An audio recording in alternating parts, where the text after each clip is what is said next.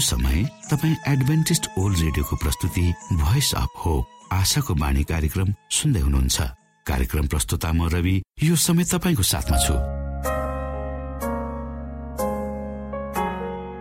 आशाको बाणी कार्यक्रममा हामी यहाँलाई न्यानो अभिवादन टक्राउन चाहन्छौ। तपाईँको व्यक्तिगत जीवनले परमेश्वरको सत्यता र उहाँको प्रेम अनि मार्गदर्शनका विषयमा चाहिने महत्वपूर्ण कुराहरूलाई प्रष्टसँग बुझ्न सकुन् भन्ने उद्देश्य सहित प्रस्तुत कार्यक्रम आशाको बाणी तपाईँको आफ्नै कार्यक्रम हो। दैनिक यसलाई सुन्नुहोस्।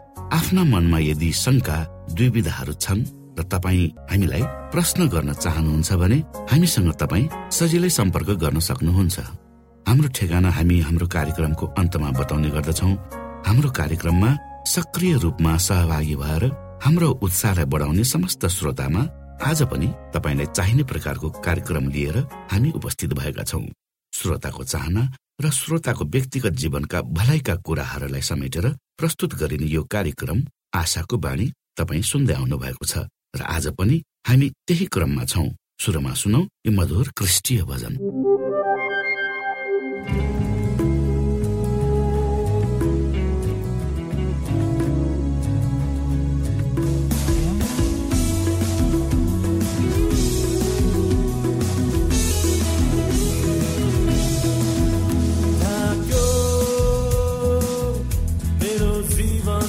go.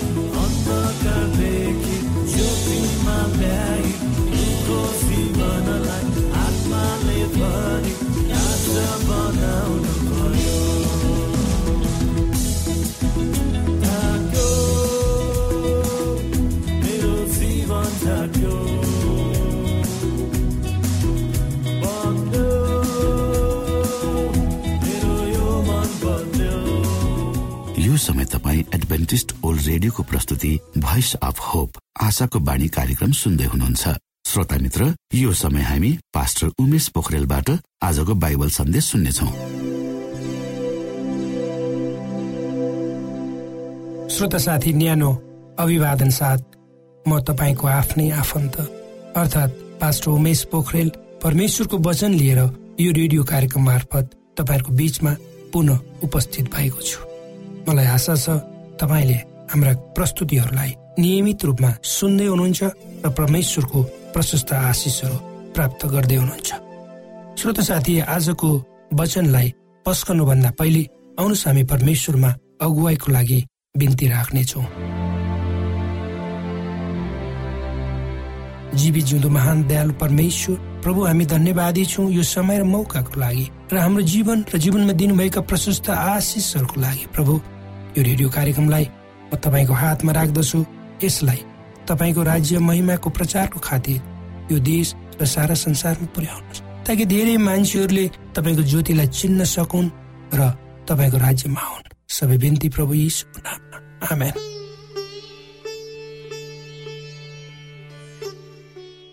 श्रोता साथी आजको सांसारिक समाजमा मानिसको आफ्नै इच्छा अनुसार चल्ने प्रवृत्ति र विद्रोही भावना जस्ता कुराहरूले उच्च प्राथमिकता पाएको संसारमा हामी बाँचिरहेका छौँ।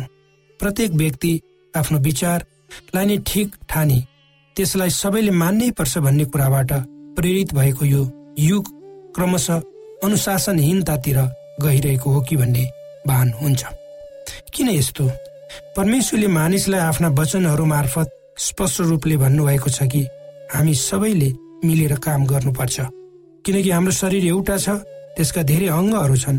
शरीरका सम्पूर्ण अङ्गहरू धेरै भए तापनि शरीर चाहिँ एउटै हुन्छ र क्रिस्ट पनि त्यस्तै हुनुहुन्छ। त्यसै गरी पवित्र धर्मशास्त्रमा अगाडि भनिएको छ तिमीहरू अर्थात् हामीहरू क्रिस्टका शरीर हौ र हरेक त्यसका अङ्गहरू हौ। पाउल प्रेरित मार्फत वचनले हामीलाई भन्दछ क्रिस्ट आफैले कसैलाई प्रेरितहरू कोही अगमवक्ताहरू कोही प्रचारकहरू र कोही मण्डलीका पास्टरहरू र कोही शिक्षकहरू बनेर परमेश्वरको सुसमाचारको काम गरून् भन्ने चाहनु भएको छ। यहाँ भनिएका वचनहरूप्रति हामी जिम्मेवार हुनुपर्छ किनकि सबै वरदानहरू उहाँको कामको लागि दिएका हुन्। श्रोता साथी जबसम्म हामी परमेश्वरको कार्य गर्न सक्दैनौँ तबसम्म हाम्रो मण्डलीले मानिसहरूको सेवा गर्न सक्दैन। धेरै मानिसहरूको सोचाइ आफ्नै हुन सक्छ र उनीहरू सोध्छन् सबै कुराको निर्णय गर्न उनीहरू आफै सक्षम छन् भनेर र आफूलाई सेवक नभएर सेवा लिनेको रूपमा प्रस्तुत गर्दछन्।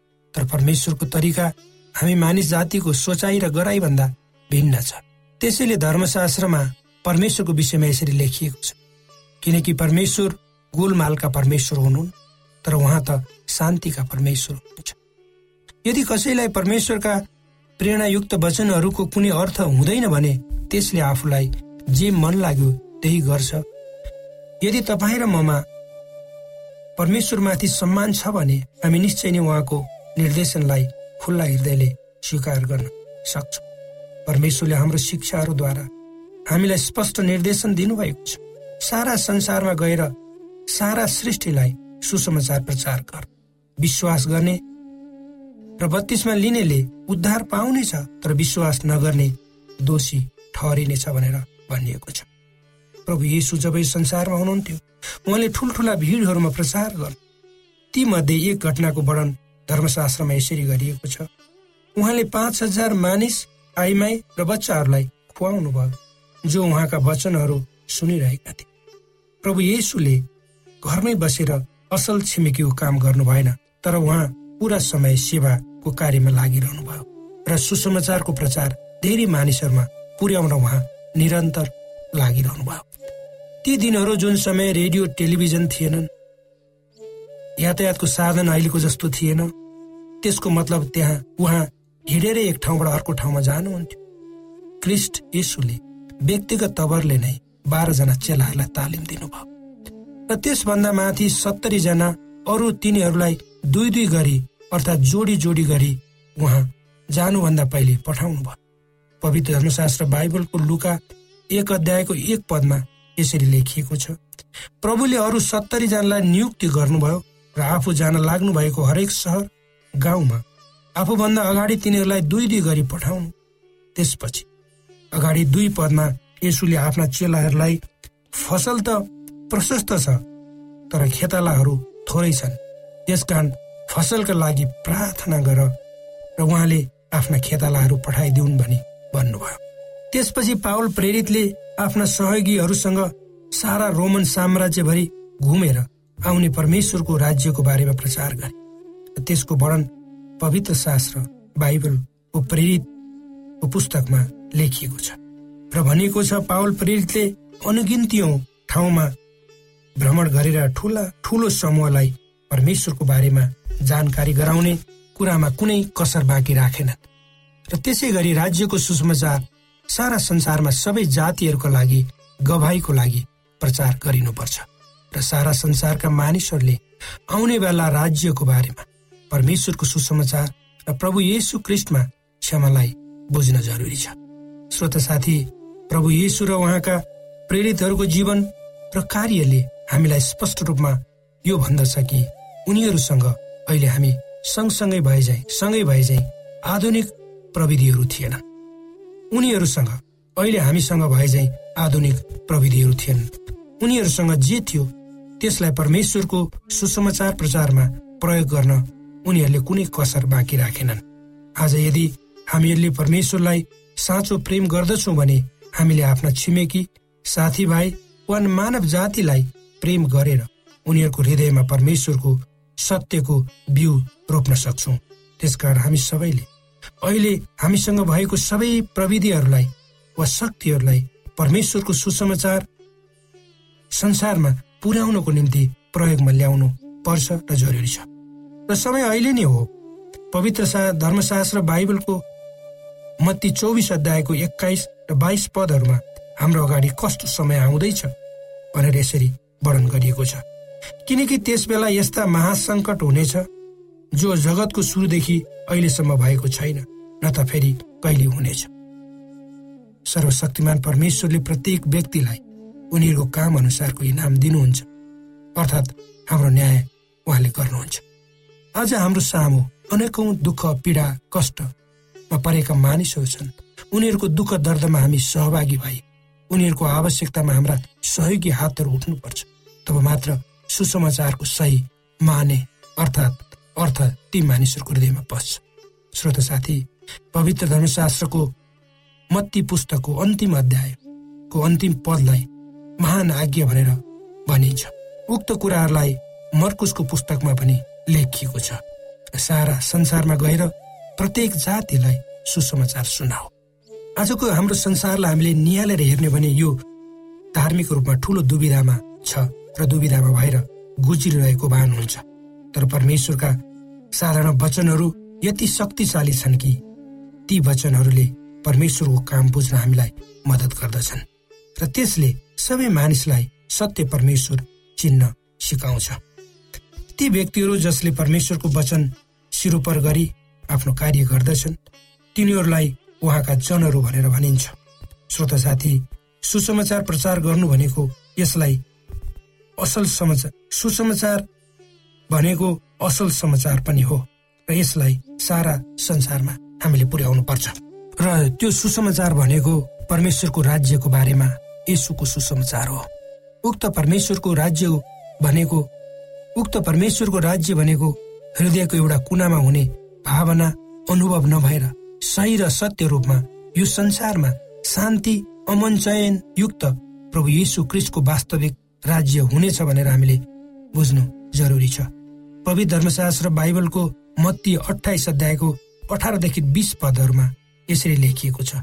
तब यसु तिनीहरूकामा आएर भन्नुभयो स्वर्ग र पृथ्वीमा समस्त अधिकार मलाई दिएको छ। यसकारण जाओ र सबै देशका जातिहरूलाई चेला बनाओ। पिता पुत्र र पवित्र आत्माको नाममा तिनीहरूलाई बत्तीसमा दियो। मैले तिमीहरूलाई आज्ञा गरेका सबै कुरा पालन गर्न तिनीहरूलाई सिकाऊ हेर म युगको अन्त्यसम्म सधैँ तिमीहरूको साथमा हुनेछु। परमेश्वरले यी वचनहरू मार्फत तपाईँलाई आशिष दिनुहोस्।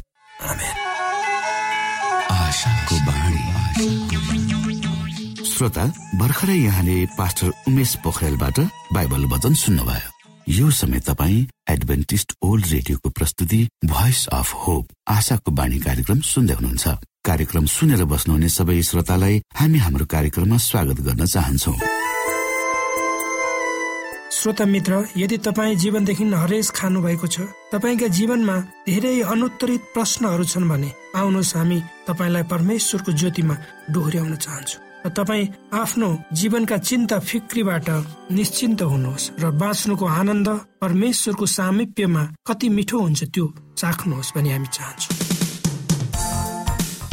श्रोता यदि तपाईँ आशाको बाणी कार्यक्रमलाई अनलाइन सुन्न चाहनुहुन्छ वा डाउनलोड गर्न चाहनुहुन्छ भने ओआरजीमा जानुहोस्। त्यहाँ तपाईँले प्रत्येक दिनको कार्यक्रम सुन्न र डाउनलोड गर्न सक्नुहुनेछ। हाम्रो वेब पेज यस प्रकार छ W dot AWR dot org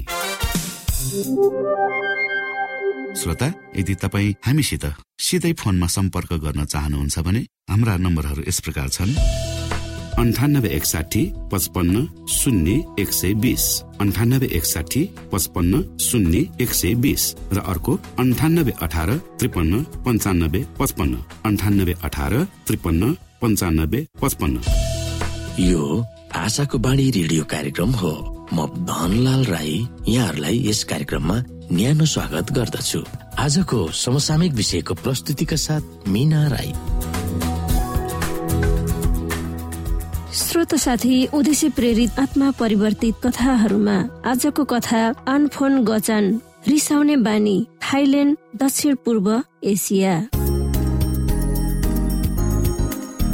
श्रोत साथी अहिलेसम्म हामीले Myanmar Cambodia Indonesia East Timor र थाइल्याण्डका मानिसहरूलाई कथाहरू मार्फत हामीले भेट्यौं। फेरि थाइल्याण्डबाट एउटा थप कथा पढ्नेछौ। सानैदेखि नै आन हट्ठी र रिसाई थिइन्। यहाँसम्म कि आफ्नै शिक्षकलाई मन नपरेको कारण हाई स्कुल क्लासै छोड्ने निर्णय गरेकी थिइन्। जब आमाले आफूलाई मोटरसाइकल चढ्न नदिँदा मोटरसाइकलको चेन्नई करौतीले काटिदिएकी थिइन्। इन्टरनेसनल युनिभर्सिटीमा पढ्न गइन् तब उनकी आमा पनि उक्त स्कुलको नजिकै सरिन्। उनी चाहन्थिन् कि आफ्ना छोरीको रिसले गर्दा उनलाई केही नहोस्। मेरी रिसाहा बहिनीले गर्दा मेरी आमाले म माथि भरोसा राखेकी थिइनन्। मलाई जे चाहियो त्यही पाउन म जिद्दी गर्थे। मेरो रिसले गर्दा जेलमा पर्छु होला कि भनेर मेरी आमा डराएकी थिइन्। आनले आफ्नो कमजोरी नलुकाइकन भनिन् कलेजमा आनले प्रार्थना गर्न सिकिन् र परमेश्वरले अचम्म तरिकाले उनको प्रार्थनाको जवाब दिनुभयो। कलेजमा आनले प्रार्थना गर्न सिकिन् र परमेश्वरले अचम्म तरिकाले उनको प्रार्थनाको जवाब दिनुभएको थियो। कलेजको पढाइ सकिएपछि आफ्नो हृदय यसुमा दिन र बत्तिसमा लिइन् तर इसाई नभएका साथीहरूले उनको निर्णयलाई खिल्ली उडाए। एकजनाले उनलाई गाली गर्दै भनिन् त त मूर्ख छेस। अर्कीले भनिन् कसैले मन नपराएको सानो झुनमा किन समावेश भयो? तर निडर भएर आनले जवाफ दिइन्। तिमीहरूले ठानेको जस्तो म मूर्ख होइन। मेरो विश्वाससँग म खेलबाड गर्दिन। मैले इसाई हुन निर्णय गरेर त्यसैमा म रहन्छु। तर सबभन्दा ठुलो समस्या त घरबाट पो आयो। बालककालदेखि मानेको विश्वासलाई उनले छोडेकी हुनाले उनकी आमा उनीसित धेरै रिसाइन्। उनलाई पुरानै अवस्थामा फर्कन जोड गरिन्। उनलाई चर्च जान रोक लगाइन्। आमाले उनलाई मन्दिरमा लगिन् र त्यही सुताउन प्रयास गरिन्। उनको परिवारको देवतालाई पूजा गर्न पत्र लेख्न आमाले कर गर्दा उनले भनिन् मेरो अब एकमात्र परमेश्वर हुनुहुन्छ। अत्यन्त रिसले जुर्मुरिएर आमाले उनलाई तिनीहरूको बेङ्ककमा भएको घरमा उनलाई थुनी दिन्। तिमी घरमै बस म तिमीलाई खान दिन्छु। तिमी कहीँ जानु पर्दैन। आमाले उनलाई आफ्नो रिस पोखाइन्। झ्याल खोलेर बाहिर भाग्न सक्थिन्। वा ढोकाको साँचो खोलेर बाहिर जान सक्थिन् तर आफ्नो पुरानो रिसलाई उनले मन पराएकी थिइनन्। त्यसकारण आमा जति रिसाए तापनि उनी चुपचाप सहेर बसिन्। उनले घरमा आफूले गर्नुपर्ने काम गरिन् र शान्तसँग बाइबल पढ्थिन्। उनले पढेका कुराहरू त्यस्तरी बुझेकी त थिएनन् तर जे पढे पनि उनको दिमागमा सन्चो पारिदिएको थियो। श्रोता साथी एक दिन आमाले उनलाई सोधिन् के तिमी अब पहिलेकै विश्वासमा फर्किन्छौ? अह माफ गर्नुहोस् आमा मैले यसुलाई विश्वास गरिसकेको छु। ल त ठिकै छ तिमी चर्च जान सक्छौ? आजित भएर आमाले जवाब दिन्। आन अत्यन्त खुसी भइन्। उनी एडभेन्टिस चर्चमा जान थालिन् आमालाई पनि चर्चमा सँगै जान अनुरोध गरिन्। आमाको रिस मरिसकेको थियो उनी खुसीले हाँस्दै थिइन् पछि मात्र आमाले आनलाई भनिन् उनी किन खुसी थिइन्? कसलाई धन्यवाद दिने मलाई थाहा थिएन। कलेजका शिक्षकहरूलाई कि परमेश्वरलाई मलाई नयाँ छोरी दिएको छ? आमाले मन खोलेर भनिन् तर परमेश्वरको शक्ति हो भनेर आनले भनिन्। म अत्यन्तै रिसाई थिएँ। ममा त्यो रिस आमाले देख्न छोडेकी थिइन् आनले भनिन्। आज त्यही आन एडभेन्टिस इन्टरनेसनल मिसन स्कुलकी प्रिन्सिपल छिन्। परमेश्वरले मलाई धेरै माया गर्नुहुन्छ। फेरि एकजना साथी अस्ट्रेलियामा गइन् र थाइल्यान्डमा रहेकी उनको आमा बाबु कहाँ कहिले काहीँ भेट्न जान मलाई अनुरोध गरिन्। साथीका आमा बाबुको घर मेरो घरबाट केही टाढा बस्थ्यो। तिनीहरूको घर जान मैले नक्सा हेर्नु पर्थ्यो। जब म पहिलो पल्ट तिनीहरू कहाँ गएँ तब मैले मेरो झोलाभरि खानेकुराहरू लगिदिएँ र टेम्पो चढेर बस स्टपमा गएँ। आधी बाटो भएपछि टेम्पो ड्राइभरले अचानक मलाई भन्यो म तपाईँलाई पुर्याउन सक्दिनँ। के म अर्को टेम्पोलाई बोलाऊ? दोस्रो ड्राइभरले मलाई लग्न त लग्यो तर गलत ठाउँमा लग्यो।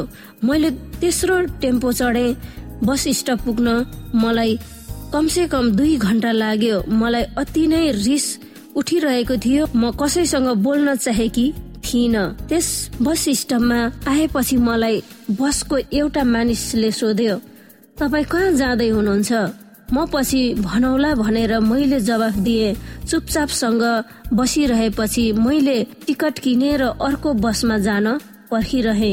मेरो साथीको आमा बाबुको घरमा बसबाट जाँदै गर्दा हामीले धेरै बिग्रिएको बस देख्यौं।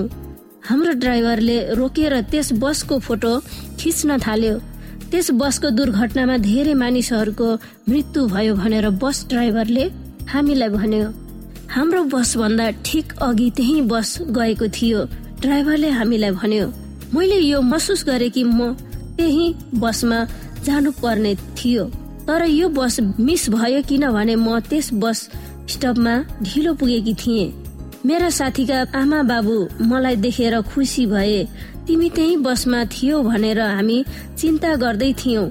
आमाले भनिन् परमेश्वर असल हुनुहुन्छ। मैले साथीका आमा बाबुलाई भने जो इसाई थिएन।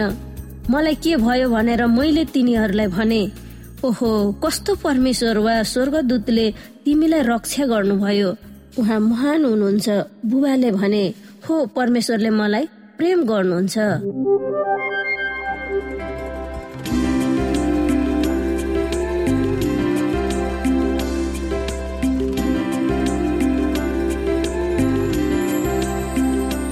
सबैको लागि छ प्रशस्तै माया।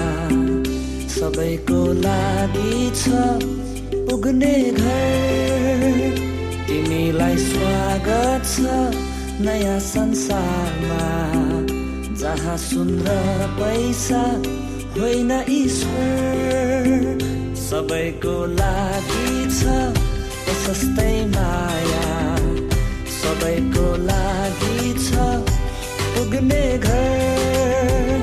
तिमीलाई स्वागत छ नयाँ संसारमा। जहाँ सुन र पैसा होइन ईश्वर। ओ आउ मुहार धोई ओ आउ आँसुलाई पुजी त्यो दुःखको संसारलाई छोडेर आ।